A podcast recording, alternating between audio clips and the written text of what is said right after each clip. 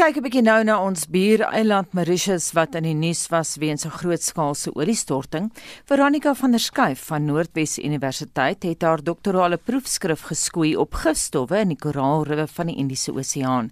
Vir meer oor haar bevindinge praat ons vanoggend met haar. Goeiemôre.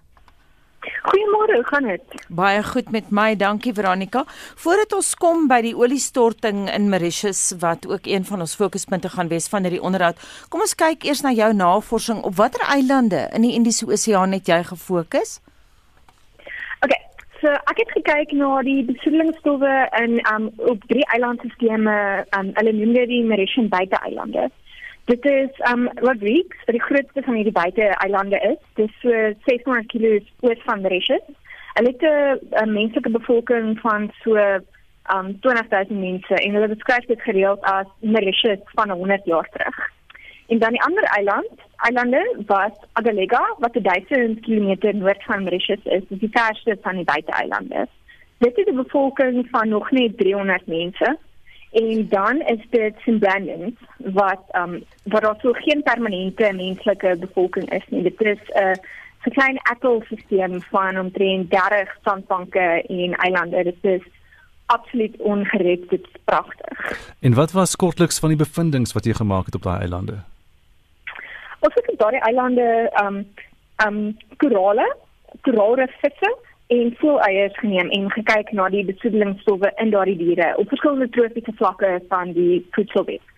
En ons het gekry dat um, daar also wel gifstowwe in um, in al daardie organismes was.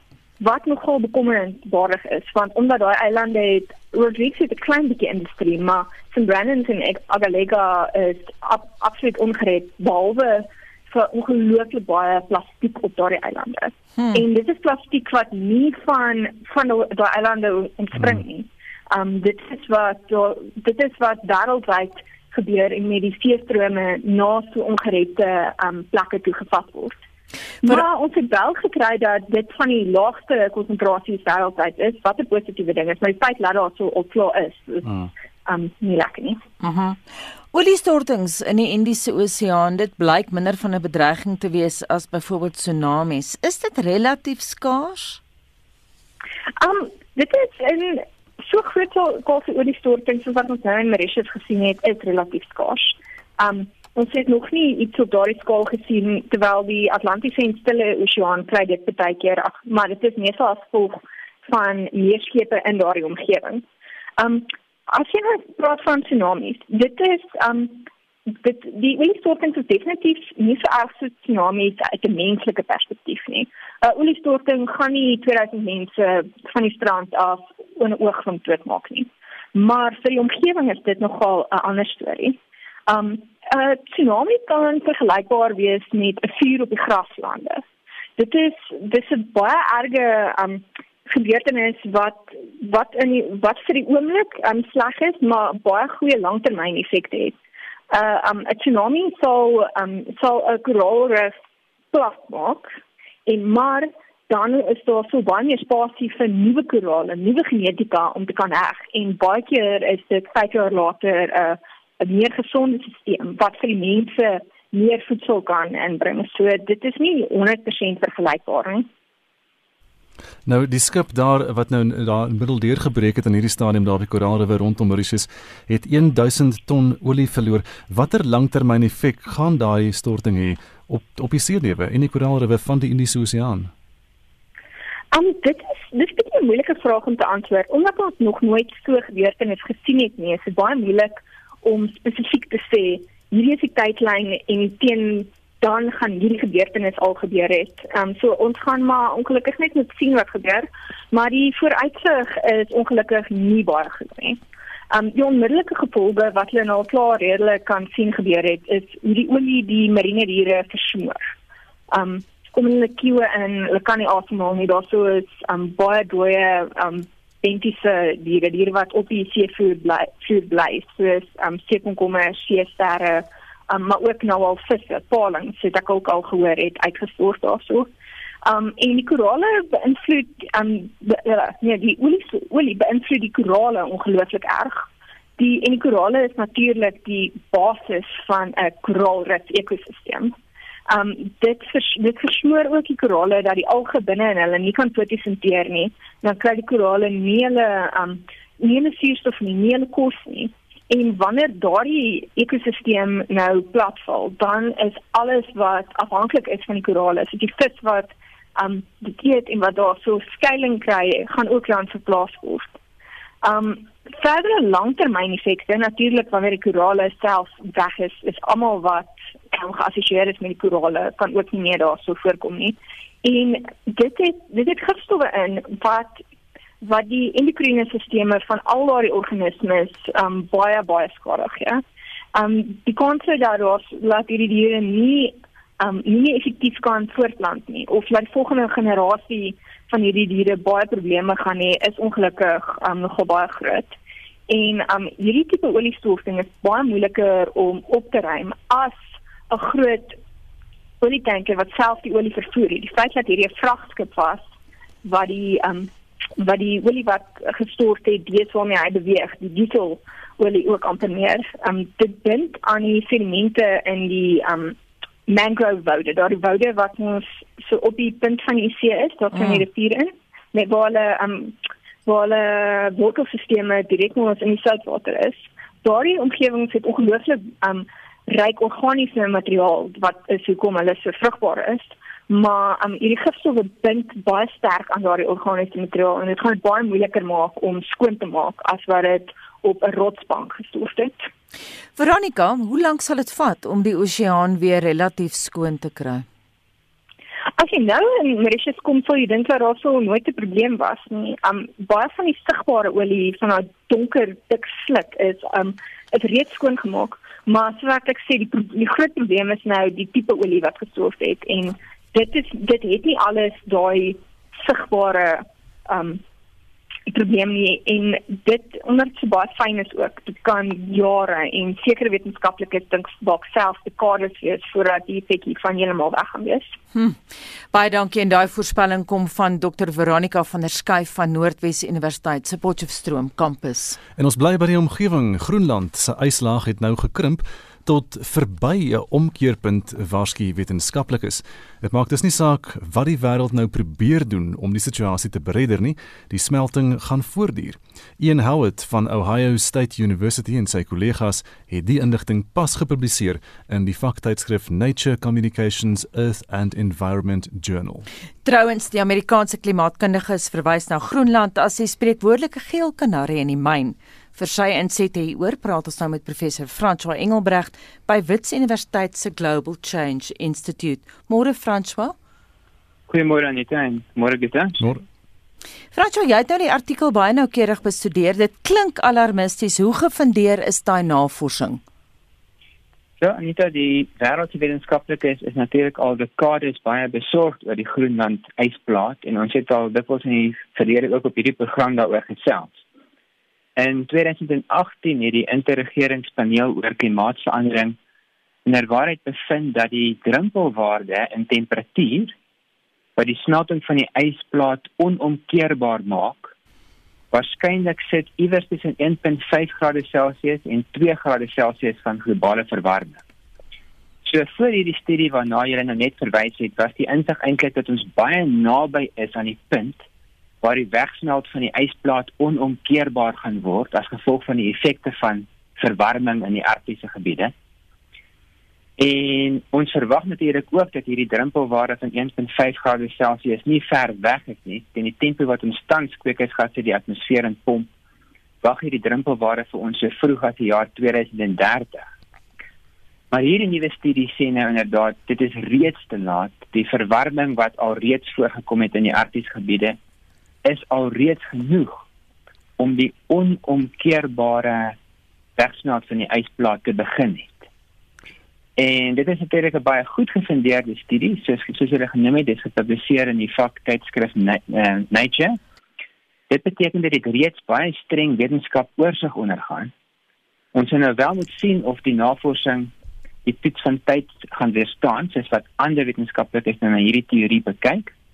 Maar op die oomblik is die tempo wat in die ysplaat wegsmelt soos wat nou ook gesien kan word op satellietfoto's baie onrusbarend en dit is beslis moontlik dat hierdie wetenskaplikes korrek is in 'n bevinding. Nou Frans, jy het nou verwys daarna na jou Amerikaanse kollegas het gebruik gemaak van die satellietbeelde, die satellietdata.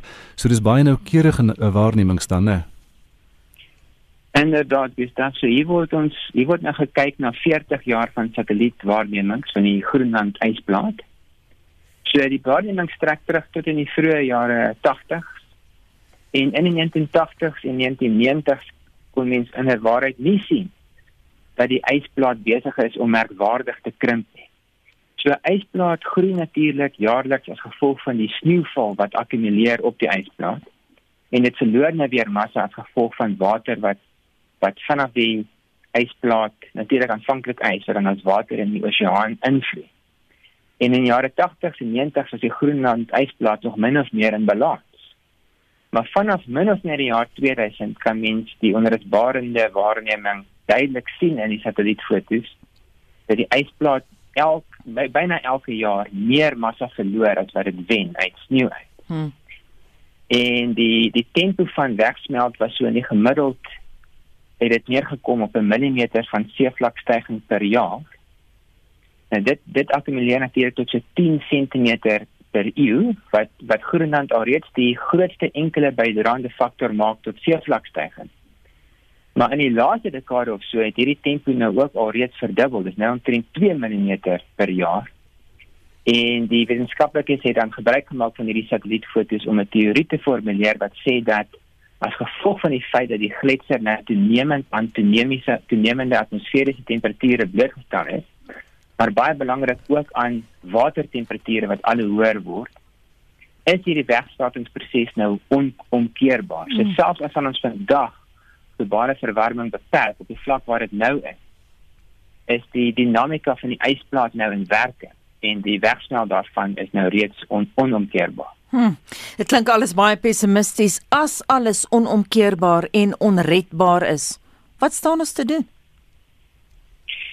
Ja, in die eerste plek moet ons besef dat die wegsmelt van die Groenland ysplaat, as dit nou heeltemal se wegsmelt, darm etlike honderde jare, dalk selfs 1000 jaar kan neem. Dit is 'n baie stadige proses om die hele ysplaat weg te smelt. Maar teen die tyd wat die proses voltooi is, sal dit natuurlik beteken dat die wêreldseevlak met omtrent 6 meter gestyg het, net as gevolg van die wegsmelt van die Groenland ysplaat alleen. En dit het natuurlik honderde miljoene mense wêreldwyd verplaas van kuslyne af. Maar in die in die 21ste eeu word daar gereken dat die totale stygings in seevlak, uh, Groenland is nou een belangrike bydraende faktor daartoe, min of meer 50 cm tot 'n meter gaan wees. Nou omdat hierdie studie bydra daartoe dat ons die prosesse waardeur die gletsers van Groenland wegsmelt beter verstaan, gaan dit ons natuurlik kan help om hierdie skattings van seevlakstygings oor die volgende paar dekades tot aan die einde van die eeu meer akkuraat te maak. So dis die eerste stukkie ware wat ons kry uit die studie. Die tweede belangrike boodskap is dat hoewel hierdie studie redeneer dat die dat die wegsmelt van die Groenland ysplaat nou reeds onomkeerbaar is, sê dit wel dat die tempo waarteen dit verder gaan wegsmelt natuurlik nog steeds in die hande van die mense is. So as ons natuurlik gaan voortgaan om die aarde so in so groot tempo te verwarm soos wat ons tans doen, en die wêreldtemperatuur bereik 'n uh, 'n waarde van sien maar 3 tot 5 grade Celsius warmer as wat dit moet wees teen die einde van die eeu. Dag nou natuurlik na 'n baie versnelde tempo kyk en in terme van die die tempo wat teen die Groenland die Groenland ysplaat wegsmelt. Maar as ons probeer om die verantwoordelike ding doen en ten minste globale verwarming so ver te vertraag as wat ons kan, dan kan die tempo van wat in die ysmelt verminder word en die die vlakke van seevlak wat ons gaan sien teen die einde van die eeu gaan natuurlik kleiner wees in geval waar ons niks doen om die presies te probeer bekant nie. Nou Franswa in in 'n vorige onderhoud verlede maand het jy verwys na die feit dat koolstofuitlatings darm afgeneem het weens die COVID-19 pandemie. Uh, van hoeveel praat ons hier persentasie gewys en is daardie af, afname nou al weer uitgewis intussen? Die nuutste syfers Gustav is dat in April hierdie jaar die die die, die wêreld se uh, inperkings van ekonomie en mense natuurlik die heel sterkste was. Was die afname in koolstofdioksied emissies baie groot. Die die die skatting sê so veel as 30% vermindering in koolstofdioksied emissies in die atmosfeer. Maar inderdaad hierdie natuurlik soos wat ekonomie nou weer in werking gekom het oor die laaste paar maande is hier die is is koolstofdioksied emissies besig om vinnig terug te keer na hulle oorspronklike vlakke. Tans word daar gereken dat dit nog steeds miskien so 5 tot 10% onder die normaal is. Hmm. En vir 2020 in die geheel word daar gereken dat emissies van koolstofdioksied miskien so 10% dalk soveel as 15% minder kan wees as die normaal in die langtermyn. Dis 'n geweldige afname. Dis weer dis meer as wat die mense natuurlik nog ooit kon regkry deur te probeer om klimaatsverandering sistematies te bekamp. Maar die die wetenskap sê duidelik vir ons eh uh, koolstofdioksied emissies gaan terugkeer na hulle oorspronklike vlakke. Dit kan dalk selfs erger wees as in die verlede soos wat lande hulle ekonomie weer probeer opvuur. En die enigste langtermyn intervensie wat ons regtig gaan help in die stryd van klimaatsverandering is om doelbewus koolstofdioksied emissies drasties te verminder. Ons praat van 'n uh, afname in min of meer 45 tot 50% in emissies wat nodig is so vroeg as die jaar 2030 as ons hmm. hierdie baie gevaarlike impakte van klimaatsverandering wil voorkom. Teen 2050 moet ons natuurlik net zero emissies bereik, sê die wetenskap vir ons. So, hmm. geen verdere addisionele koolstofdioksied met van 2050 ja, atmosfeer ingaan nie as ons die mees gevaarlike impakte van klimaatsverandering wil vermy. Frantonet vir luisteraars wat laat ingeskakel het, daar is ook voorspellings rakend Arktiese see-ys in die jaar 2035. Wie sê wat daaroor? Ja, hierdie is 'n tweede studie um, wat gepubliseer is en dit sê eintlik vir ons dat 'n verdere belangrike drempelwaarde in die aarde se klimaatstelsel binnekort oorskry kan word. So die studie waaroor ons nou net gepraat het wat betref Groenland sê vir ons dat ons het dalk reeds 'n belangrike drempelwaarde oorskry. En een belangrike aspek van gevaarlike klimaatsverandering, die wegsmelt van die Groenland ijskap, is waarskynlik nou reeds met ons. Hierdie tweede studie sê vir ons dat ons dalk ook al die arktiese see-ys kan verloor. Dit is nou spesifiek in die somer van die noordelike halfrond.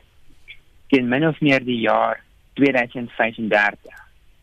Net so 'n paar weke gelede het ons hieroor gepraat in in julle program Anita en dit ons dit ons gepraat oor die belangrike impakte wat so 'n verdwyning van die see-ys kan hê op die ekosisteme van die arktiese gebiede insluitend die ysbeerpopulasies. Hmm. En nou sê die wetenskap vir ons dit lyk asof hierdie belangrike drempelwaarde wat ons ook gedink het 'n bietjie verder die toekoms in wag nou reeds teen 2035 met ons kan wees. Frans, wat is ander groot um, omgewingsnuus wat nou gister deurgekom het? Die hoogste temperatuur ooit wat betroubaar vasgestel is, is in die Death Valley Nasionale Park in Kalifornië aangeteken. Die kook het daar tot by 54,4 grade Celsius gestyg en dit word nou tans deur die onderskeie owerhede geverifieer. Is hierdie soort van temperature vreemd vir jou? Ja, nee, Gustav, hier is direk een van die hoogste temperature wat nog ooit gemeet is deur die mens. Daar is eintlik 'n waarneming gedoen in 1913. Dit word soms betwyfel of dit akuraat is, maar in 1913 was daar in hierdie selfde Death Valley in Kalifornië 'n meting van 56.7 grade Celsius aangeteken. Dit is nog steeds amptelik die wêreldrekord in terme van die hoogste temperatuur wat nog ooit gemeet is. Hmm. So wat ons wel kan sê is verlede Sondag was Death Valley beslis die belangrikste die, die warmste plek op die planeet. Hmm een van die warmste temperature wat nog ooit gemeet is. Fransonet Laasens, jy is nou lid van die globale interregeringspaneel oor klimaatsverandering.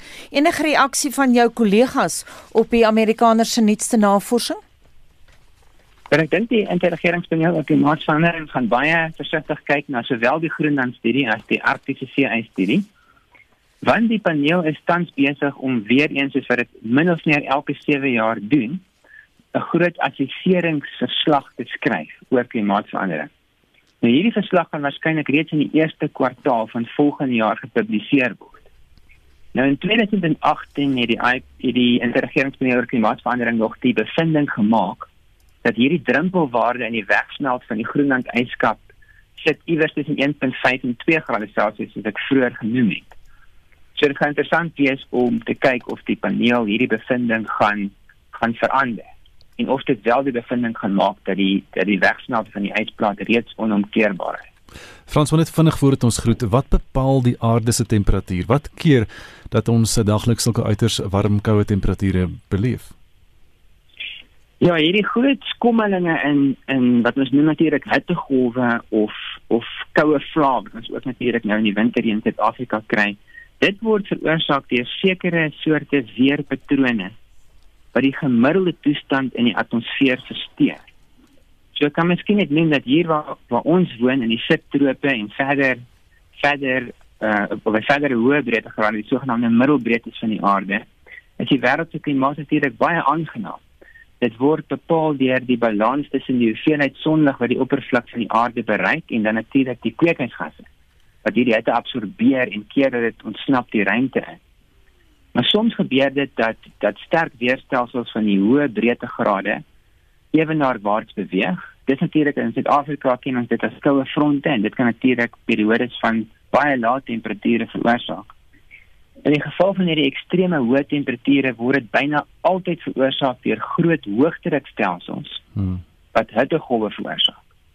So wat nou in Kalifornië gebeur het in die in die woestyn aan die oosgrens van Kalifornië is eintlik baie baie soortgelyk aan wat hier by ons gebeur in die somer as 'n groot hoogdrukstelsel vorm oor Suider-Afrika en dit word so onsaglik warm dit was eerstens oor die oor die woestyn in Namibië en dan verder suid in die Noord-Kaap in en natuurlik kan hierdie tipe hittegolwe van tyd tot tyd versprei al met ons ooskus af en ook oor die oostelike binnelande.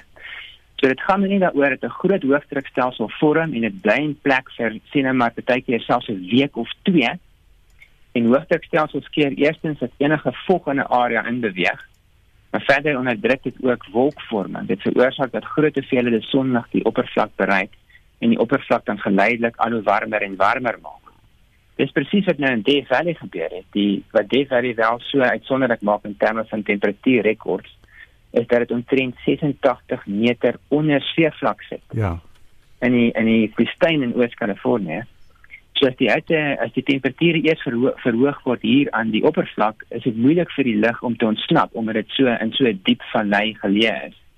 En dit dan hoekom die temperature dikwels opbou tot hierdie hierdie ongelooflike hoë waardes soos ons nou weer gesien het. En is dit wat ook gebeur by die Dooie See byvoorbeeld daar in die Midde-Ooste wat ook so ondersee vlak is? Ja, ons vind um, ons vind baie baie soortgelyke prosesse wat werk in die Sahara woestyn en natuurlik ook in die woestyne van Arabië en ook in gebiede van die rondom die Mediterrane See. Inderdaad, dit is min of meer dieselfde proses van groot hoogdrukstelsels wat wat oor die gebied gevestig raak en dan die temperature so geleidelik dat dit styg. Baie dankie Franswa professor Franswa Engelbrecht van die Wits Universiteit se Global Change Institute. Dis nou so 22 minute voor 8 uur by Monitor op RSG en in Amerika het die Demokrate se 4-dag lange virtuele konferensie gister afgeskop. Dis vir jaar anders as die gewone konferensies wat gewoonlik deur duisende mense bygewoon word en waar die kandidaate dan kiesers met toesprake kan beïndruk. Estie de Klerk berig vanoggend hieroor en oor ander internasionale nuus. Môre Estie.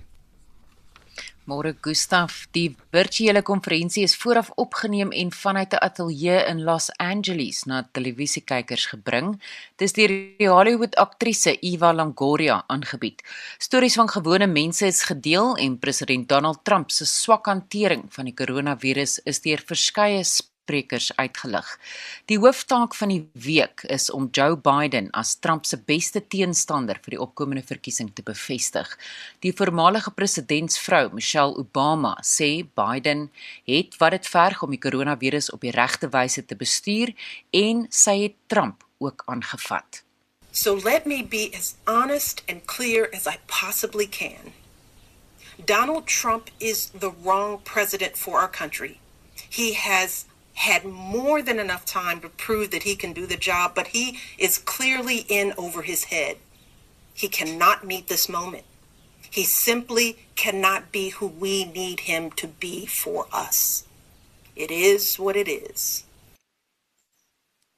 Biden sal donderdag amptelik verkies word om teen Trump te staan in die presidentsverkiesing op 3 November en volgens alle aanduidings loop Biden voor in die stryd tussen die twee kandidaate. Nou van Amerika verskuif ons die fokus na Kanada waar die minister van finansies Bill Morneau gesê het hy gaan bedank na aantuigings dat hy botsende belange het in 'n liefdadigheidsorganisasie. Ja, die minister van Finansies is onder groot druk om te bedank nadat dit aan die lig gekom het dat hy nie reiskoste wat deur 'n liefdadigheidsorganisasie WE betaal is om hulle werk in die buiteland te besigtig terugbetaal het nie. Hy het gesê hy het onlangs besef hy het nie die geld terugbetaal nie en 'n tjek van 41000 Kanadese dollar uitgeskryf. Die Kanadese eerste minister Justin Trudeau het ook in die, is ook in die sig um, soeklig oor sy eie en sy familie se betrokkeheid by dieselfde liefdadigheidsorganisasie.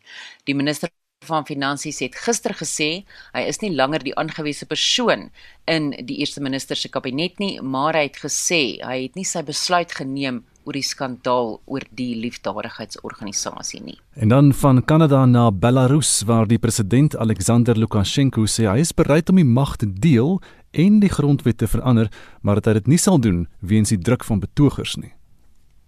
Lukasjenko sê daar word reeds gewerk aan moontlike wysigings aan die grondwet wat magsdeling moontlik sal maak. Hy hou egter vol dat daar solank as wat hy lewe nie nuwe presidentsiële verkiesings sal plaasvind nie. Massa-protesoptrede het in Belarus uitgebreek nadat Lukasjenko aangewys is as die wenner van die verkiesing en gister het massa-protesoptrede in Minsk weer plaasgevind omdat betogers Lukasjenko se aanbod se aanbod van 'n refer, referendum verwerp verwerp het en gesê het hy moet uittreë. Die BBC berig die president het met 'n helikopter opgedaag om met betogers in Minsk te praat, maar hy is uitgejou en het kort daarna van die verhoog gestap.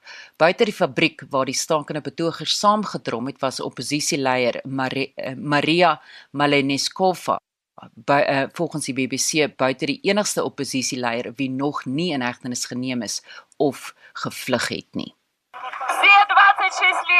For 26 years the authorities have humiliated us. Thank you for not being afraid. We are not the little people. We are the nation.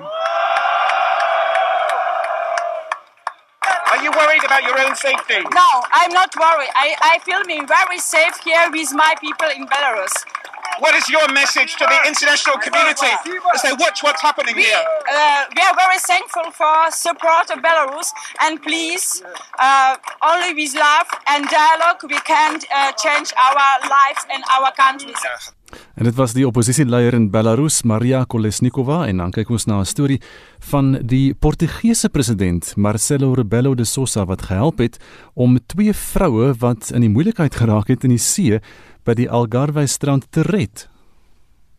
Die 71-jarige president is afgeneem toe hy Saterdag geswem het na die vroue se kajak wat omgeval het. Hulle het in die water in die water gespartel. Hy het later aan joernaliste gesê die vroue is deur die gety van 'n nabygeleë strand meegevoer. President Sousa is op die oomblik met vakansie um, daar om toerisme te bevorder. Portugal se ekonomie berus sterk op sy toerismebedryf wat erg deur die koronavirus pandemie geraak is. Dit was dan Estie de Klerk met vanoggend se wêreldnuus gebeure. ISIS is nou in beheer van die Mosambiekse hawe stad Mosimboa da Praia en Sharia wetgewing geld nou daar. Vir die implikasies hiervan vir Mosambiek en die hele streek, praat ons nou met die Instituut vir Sekuriteitsstudies se projekleier vir Suider-Afrika, Liesel Louwotran. Goeiemôre Liesel. Môre Anita. Is jy verbaas oor gegee die feit dat ISIS al sedert 2017 in Mosambiek se Cabo Delgado provinsie aktief is?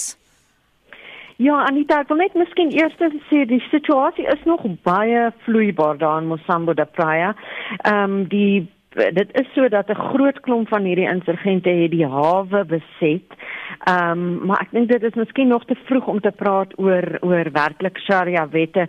Ehm um, gister het ons uh, weer 'n groot we webinar gehad rondom Mosambiek en een van die sprekers het reg gesê dat Jy weet hulle het nou ehm um, dorpe en so aan beset, maar dit mense het gevlug en is uh, die huisies en uh, al die geboue en so aan is afgebrand. Jy weet wat ek bedoel. So mm. ons het nog nie bewyse op die grond van soos wat ons byvoorbeeld gehad het in Mali in 2012 en in 2013 is dat uh, hier kom hulle nou in in ehm um, het, het nou Sharia wette ingestel. Maar goed. Ehm um, is is ons verbaas daaroor wel te, terreur en hierdie soort van insurgensies is natuurlik baie uh, onvoorspelbaar, maar dit is so dat al einde uh, 2017 was daar aanvalle. Dit was baie ernstig, mense het gevlug en dit het uh, geeskaleer ehm um, in die middel van verlede jaar het ISIS vir die eerste keer betrokke geraak of van hierdie uh, gesê hy is betrokke by van hierdie aanvalle. So jy weet die die progressie hiervan en dan die feit dat die Mosambiekse weermag duidelik ehm um, nie die mas opkom nie. Ehm um, moet mense seker nie verbaas wees dat dat daar sulke gebeure is waar 'n strategiese hawe dan nou oorgeneem is nie. Mm -hmm. Maar goed, soos ek sê, die situasie is maar nog baie vloeibaar. Ons maar kyk wat in die volgende paar dae gebeur, want dit lyk asof die regering nou honderde troepe gestuur het na die area en dit dalk weer kan gaan oorneem. Ek is nou baie bly jy verwys na die regering en die weermag Liesel, want mm. Mosambiek se minister van verdediging Jaime Neto sê die hawe stad is van binne af na buite toe aangeval. Wat het hy daarmee bedoel? Ja, van die jy weet die die die grafieke en goed wat ons gesien het rondom hierdie aanval wat baie interessant was, lyk asof die aanvallers het hulle self in siviele drag ehm um, uh jy weet was het hulle self vermom. Ander was ook in ehm um, weermagdrag van die Mosambiekse weermag aangetrek. So dit was baie moeilik uh hulle het 'n baie gesofistikeerde uh aanval geloods en dit dui ook volgens sommige van die kenners uh, uh van ander terreur uh operasies aan dat hulle dit nou nie meer net 'n plaaslike insurgensie is nie, maar dat hulle ehm um, wapentuig en so aan uh, baie meer gesofistikeerd kry soos soos uh, ander uh, jihad dis uh, islamitiese groepe uh elders. Ehm um, so 'n tipe van 'n Trojaanse perd dan nou bin in Mosimbo da Praia en ehm um, en daarom maak dit so dit baie moeilik vir die weermag om uh die ouens dan nou ehm um, op te spoor en eintlik uit te wis, jy weet en, en dit is definitief iets wat ons uh, reg uh, in Afrika op ander plekke sien soos in Burkina Faso en Mali en so. Liesel belangrike konteks hier. Die hawe stad is mm. baie belangrik ekonomies Exxon Mobil is daar. Total is betrokke by 'n gasprojek ter waarde van 1 triljoen rand. Ek haal nou aan uit die BBC wat gaan die Amerikaners en die Franse doen om hulle belange daar te beskerm Ja, Anita, ek dink dit is 'n baie goeie vraag. Ehm um, soos wat ons verstaan is die Franse maatskappy Total die grootste belegger en het die Amerikaanse maatskappy Anadarko 'n paar jaar uh, terug oorgeneem. So die die die belegging wat al reeds ehm um, op die tafel is, wat al reeds gemaak is, is hier by 15 ehm um, miljard dollars, soos, soos jy sê dan 'n 1 uh, triljoen ehm um, uh, rand. rand wat een van die grootste beleggings is of die grootste belegging ehm um, buitelandse belegging in Afrika in hierdie stadium. Uh so dit maak dat hierdie hele kwessie in die noorde van Mosambiek 'n totale ander dimensie kry.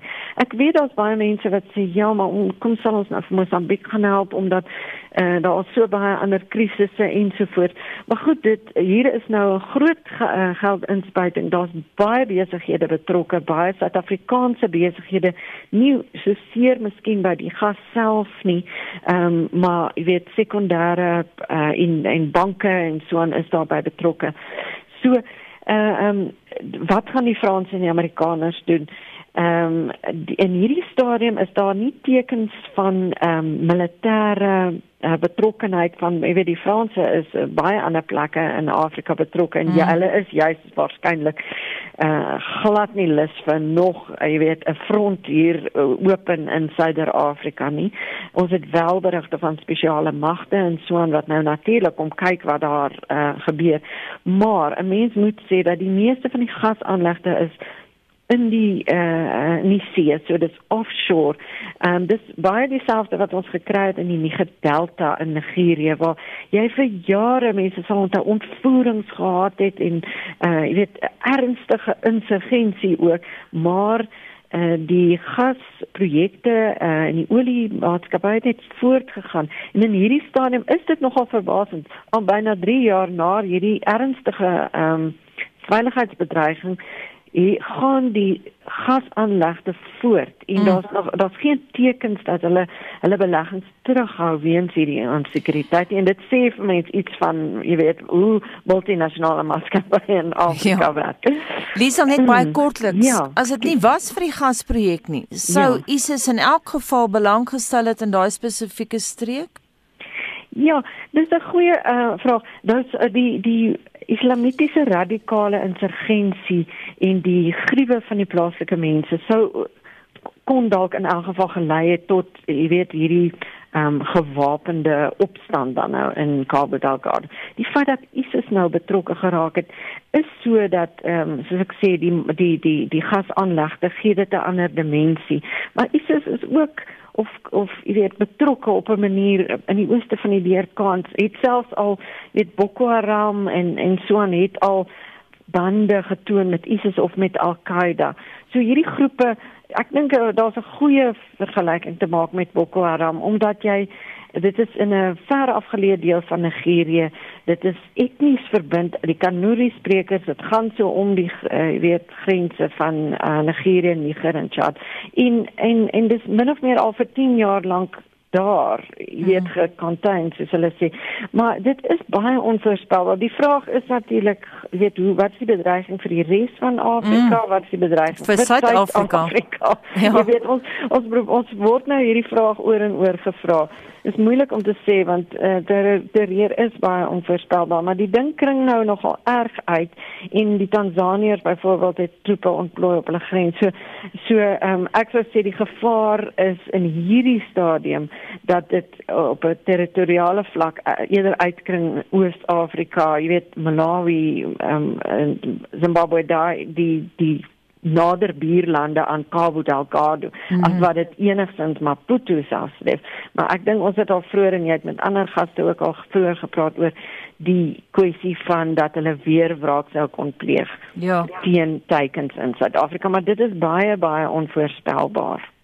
President Cyril Ramaphosa is uh, nou tans voorsitter van die uh, Afrika Unie. Kan ons enige optrede van uh, daardie organisasie verwag? Wel, ons hoop so Anita, want gister was nou die jaarlikse beraad van SADC. Hulle het 'n verklaring gemaak. Ons het almal gehoop daar sou 'n sterk aksie gewees het teenoor Mosambiek. Hulle het letterlik in twee sinne net amper kennis geneem en gesê ja, die streek eh uh, pleeg solidariteit eh uh, en verbintenis om Mosambiek te help, maar daar's geen plan op die tafel in hierdie stadium nie. Mosambiek het nou gister ook die voorsitterskap van SADC oorgeneem.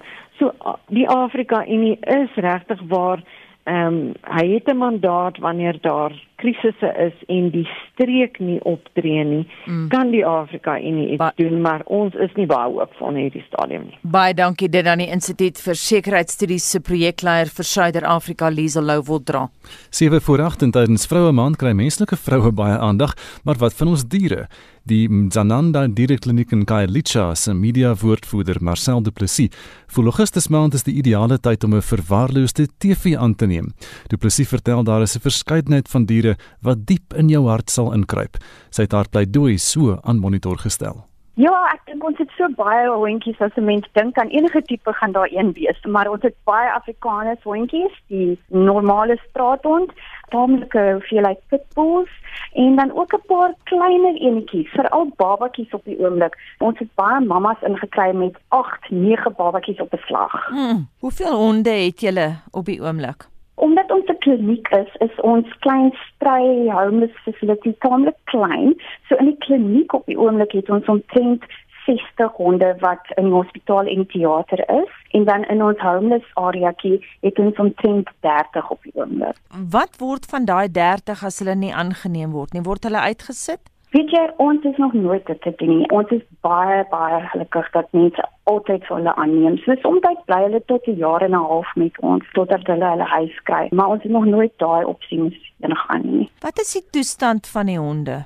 Ek sê 90% van die honde wat inkom is baie mooi na omgesien. Dis meestal mense wat nie meer hulle diere kan hou nie want hulle moet weggaan of hulle het nie meer geld om na hulle diere te kyk nie. Nou en dan kry ons 'n slegte een, jy weet, um, wat nou baie maar is of wonde het of emosioneel nie goed is nie. Maar ek sou sê 90% is baie mooi hanteer. Indien hierdie honde getraumatiseer sou wees, jy sê dis nie in alle gevalle die geval nie, maar indien hulle sou wees, hoe manifesteer dit? Sou hierdie honde dalk meer aggressief wees of sou hulle baie skaam wees? Die meeste wat ons sien wat emosioneel uh, getraumatiseer is, is baie skaam en bang. So hulle krul hulle selfs in 'n klein ou bolletjie of hulle kruip weg. Hulle wil nie hê jy moet aan hulle vat nie. Nou en dan kry ons 'n aggressiewe hond.